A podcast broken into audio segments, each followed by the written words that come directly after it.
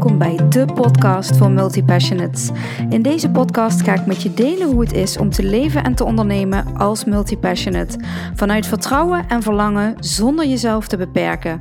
Hoe zorg je ervoor dat je kunt leven en ondernemen op jouw voorwaarden in een wereld van specialisten? Zin in!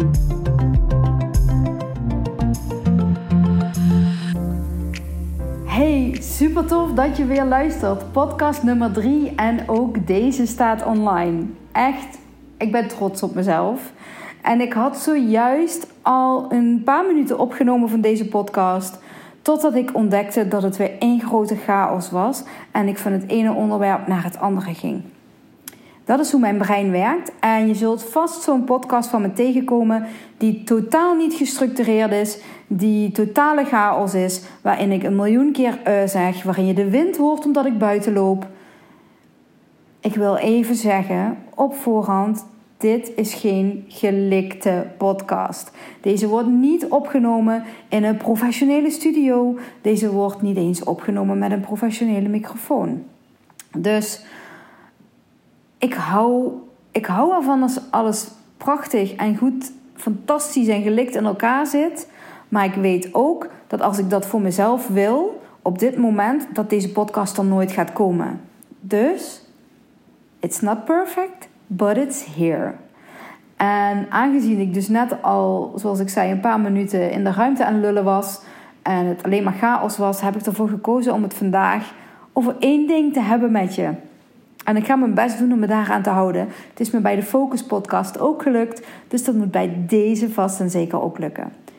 Deze keer wil ik het met je hebben over het maken van keuzes. Dit is echt een ding, niet alleen voor mij. Ik bedoel, zet me in een restaurant met een kaart met meer dan 10 dingen op de kaart en ik raak in totale paniek, want ik weet al niet wat ik moet kiezen. Ehm, laat staan dat ik moet kiezen voor bijvoorbeeld, en ik ga dit even als voorbeeld nemen, deze podcast, het kiezen van een niche.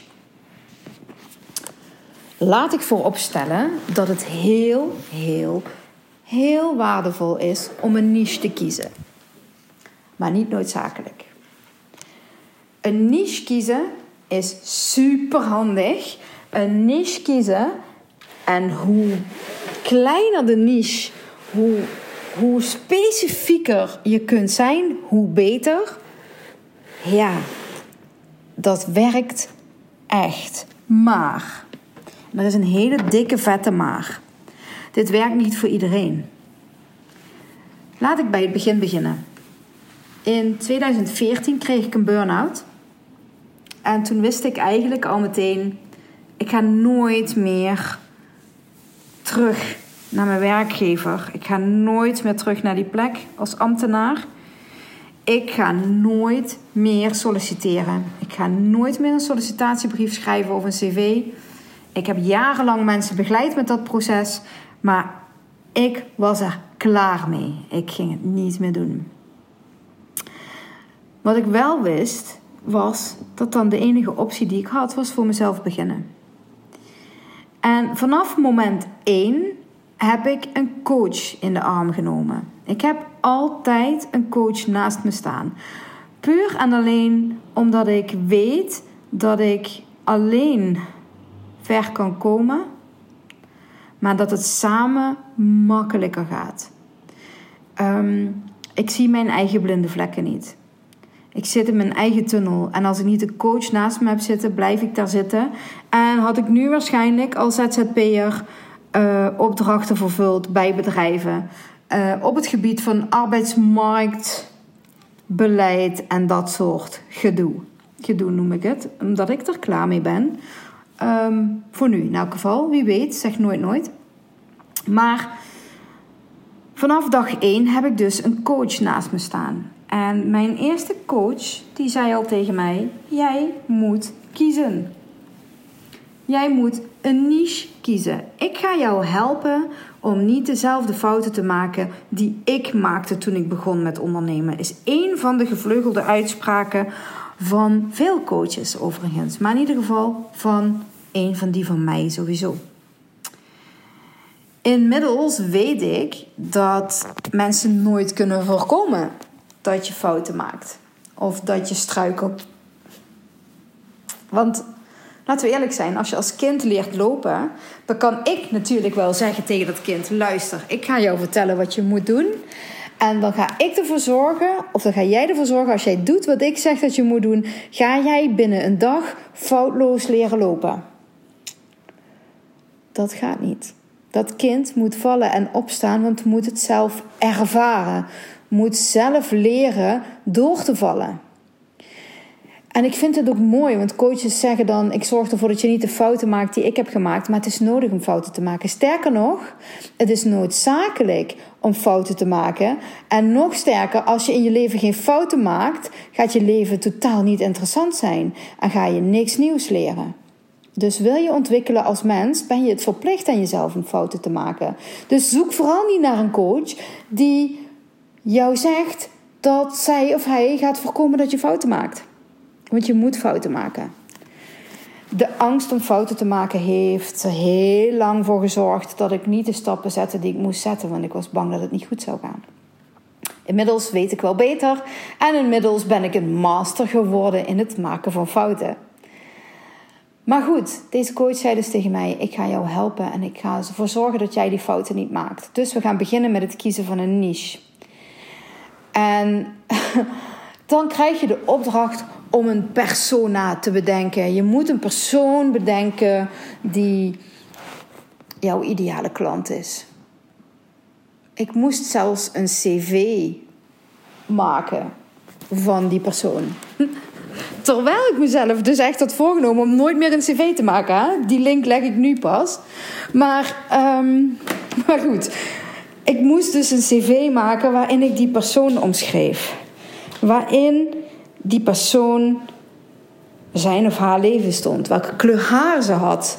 Welke auto ze reed. Welk werk ze deed. Welk, hoeveel kinderen ze had. Hoe die kinderen heten. Je kunt zo gek niet bedenken. Hoe meer details, hoe beter. En terwijl ik dat aan het schrijven was, had ik alweer 15 andere persona's in gedachten. Maar goed, ik dacht, wat weet ik er nou van? Laat ik het maar aannemen van mijn coach en laat ik het maar doen. En ik deed het. En ik ontdekte dat ik daar doodongelukkig van werd. Niet meteen, maar op de lange duur. En toen ontdekte ik dat dat dus lag aan het feit dat ik misschien wel niet de juiste niche had gekozen. Ik neem even een slokje water. Want ik ben heel erg gepassioneerd over dit onderwerp, zoals je misschien kunt horen. Omdat ik gewoon, ik denk dat 99% van mijn klanten aangeeft: Bianc, het voelt gewoon zo niet goed als ik die niche moet kiezen. Het voelt A, alsof ik heel veel mensen buitensluit. Um, het voelt alsof ik mezelf moet gaan beperken, alsof ik mezelf in een hokje moet duwen waar ik niet wil zijn. En alsof ik me in moet gaan houden. En ik ga het nogmaals zeggen, ik zie echt het belang van het kiezen van een niche. Ik heb een miljoen voorbeelden van bedrijven die een niche hebben gekozen, die dankzij het kiezen van die niche gewoon huge geworden zijn. Dus ja, als het voor jou werkt, vooral doen. Maar ik ga je nu aangeven wat je kunt doen om toch een niche te kiezen zonder een niche te kiezen. Pak er maar pen en papier bij. Maar als je een niche moet kiezen, kies die dan op basis van eigenschappen. Niet op basis van is het een man, is het een vrouw en hoe oud zijn ze en wat voor een auto rijden ze en welke pijn hebben ze, maar wat voor eigenschappen hebben die mensen. En eh, spoiler alert, 9 van de 10 keer in ZZP-land, en dan heb ik het vooral over de coaches en andere ondernemers in de kennisindustrie 9 van de 10 keer is jouw ideale klant een kopie van jezelf. qua eigenschappen, qua levensproces, qua levensfase zal het heel vaak een kopie van jezelf zijn. Of misschien wel de persoon die jij was vijf jaar geleden. En wil jij die persoon van vijf jaar geleden begeleiden in dat proces wat jij de afgelopen vijf jaar hebt doorgemaakt? Dat kan ook, maar het zit vaak heel dicht bij jezelf. Maar als je dan toch dat cv wil maken, moet maken, doe het dan op basis van eigenschappen. En daarmee bedoel ik, mijn ideale klant, mijn niche, zijn mensen die een commitment aangaan met zichzelf. Die niet in slachtofferschap vervallen, maar verantwoordelijkheid voor hun leven willen nemen. Mijn ideale klant is de klant die zodra de factuur in de mailbox komt, meteen die factuur betaalt. Mijn ideale klant is een klant die in overvloed durft te denken. Mijn ideale klant is een klant die beslissingen neemt op basis van verlangens en niet op basis van angst. Ik hoor namelijk heel vaak mensen zeggen: ik ga niet investeren in mezelf omdat ik uh, de stap nog niet durf te zetten, of omdat er geen geld op mijn bankrekening staat, of omdat een heleboel tekortovertuigingen. Helemaal oké. Maar dat zijn niet mijn klanten. Mijn klanten zijn, in mijn geval, de meeste gevallen, zijn het vrouwen die fuck it, ik ga nu eindelijk eens voor mezelf staan. En ik ga nu eindelijk de beslissingen nemen die ik wil nemen. Niet mijn man, niet mijn partner, niet mijn werkgever. Ik neem de beslissing. En ik ga doen wat nodig is om daar te komen waar ik wil zijn. Die eigenschappen zijn allemaal vertegenwoordigd in mijn ideale klant. En die ideale klant heeft geen naam, die heeft geen leeftijd. Die heeft geen auto, niet een bepaalde auto. Die heeft niet een bepaald aantal kinderen. Maar die heeft dus een aantal eigenschappen waar ik op aanga en waar ik blij van word. En ik weet zeker dat jij dit ook kunt doen. 100% zeker. Want ik weet zeker dat jij niet met klanten wil werken die je tien keer moet gaan bellen omdat de factuur niet betaald is. En ja, natuurlijk, dat kan altijd een keer gebeuren. Mijn ADD-brein zorgt er ook voor dat ik af en toe, als ik niet ter plekke kan betalen waar ik op dat moment ben, dus als ik een mailtje met een factuur binnenkrijg terwijl ik in de supermarkt sta of in gesprek ben met iemand en ik later moet betalen, kan ik het ook wel eens vergeten. Excuse me if you are one of them. Maar over het algemeen is mijn ideale klant iemand die met liefde facturen betaalt. Laat ik hem zo noemen. Ja. Iemand die met liefde facturen betaalt. Iemand die met liefde de commitment met zichzelf aangaat en ook echt een helder ideaalbeeld heeft van zijn of haar leven en daar alles aan wil doen om daar te komen. En dan maakt het dat het proces van het kiezen van een niche een stuk simpeler stuk minder moeilijk. Eigenschappen kun je namelijk wel altijd benoemen. En lukt je dat niet, stuur me alsjeblieft een berichtje. Want ik weet zeker dat ik hier veel meer over kan vertellen dan dat ik nu doe. Uh, komt ook een beetje omdat het nu, uh, even kijken, einde van de dag is. Terwijl ik deze podcast opneem en mijn brein een beetje gefrituurd aanvoelt. Omdat ik zoveel gedaan heb vandaag. Maar stel me je vragen. Of je struggles. Leg ze bij me neer. Ik neem ze graag mee als onderwerp. Uiteraard anoniem als jij dat wil, hè? Uh, ik wil je naam ook noemen als je dat wel wil. It's all good.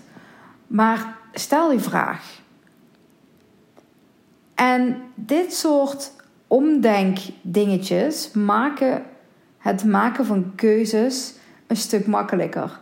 Stom voorbeeld is als ik in een restaurant niet kan kiezen, schrap ik sowieso alle gerechten die ik zelf ook kan maken. Waarvan ik denk, ja, die kan ik elk moment van de dag eten als ik daar zin in heb. Maar ik wil nu eindelijk eens iets bestellen wat ik zelf nooit maak, of wat ik niet kan, of wat ik nog nooit gehad heb. Elke ingewikkelde keuze kun je op deze manier wel omdenken, op een of andere manier. Maar weet dus dat je geen niche hoeft te kiezen. In ieder geval niet op de manier waarop jij denkt dat het moet.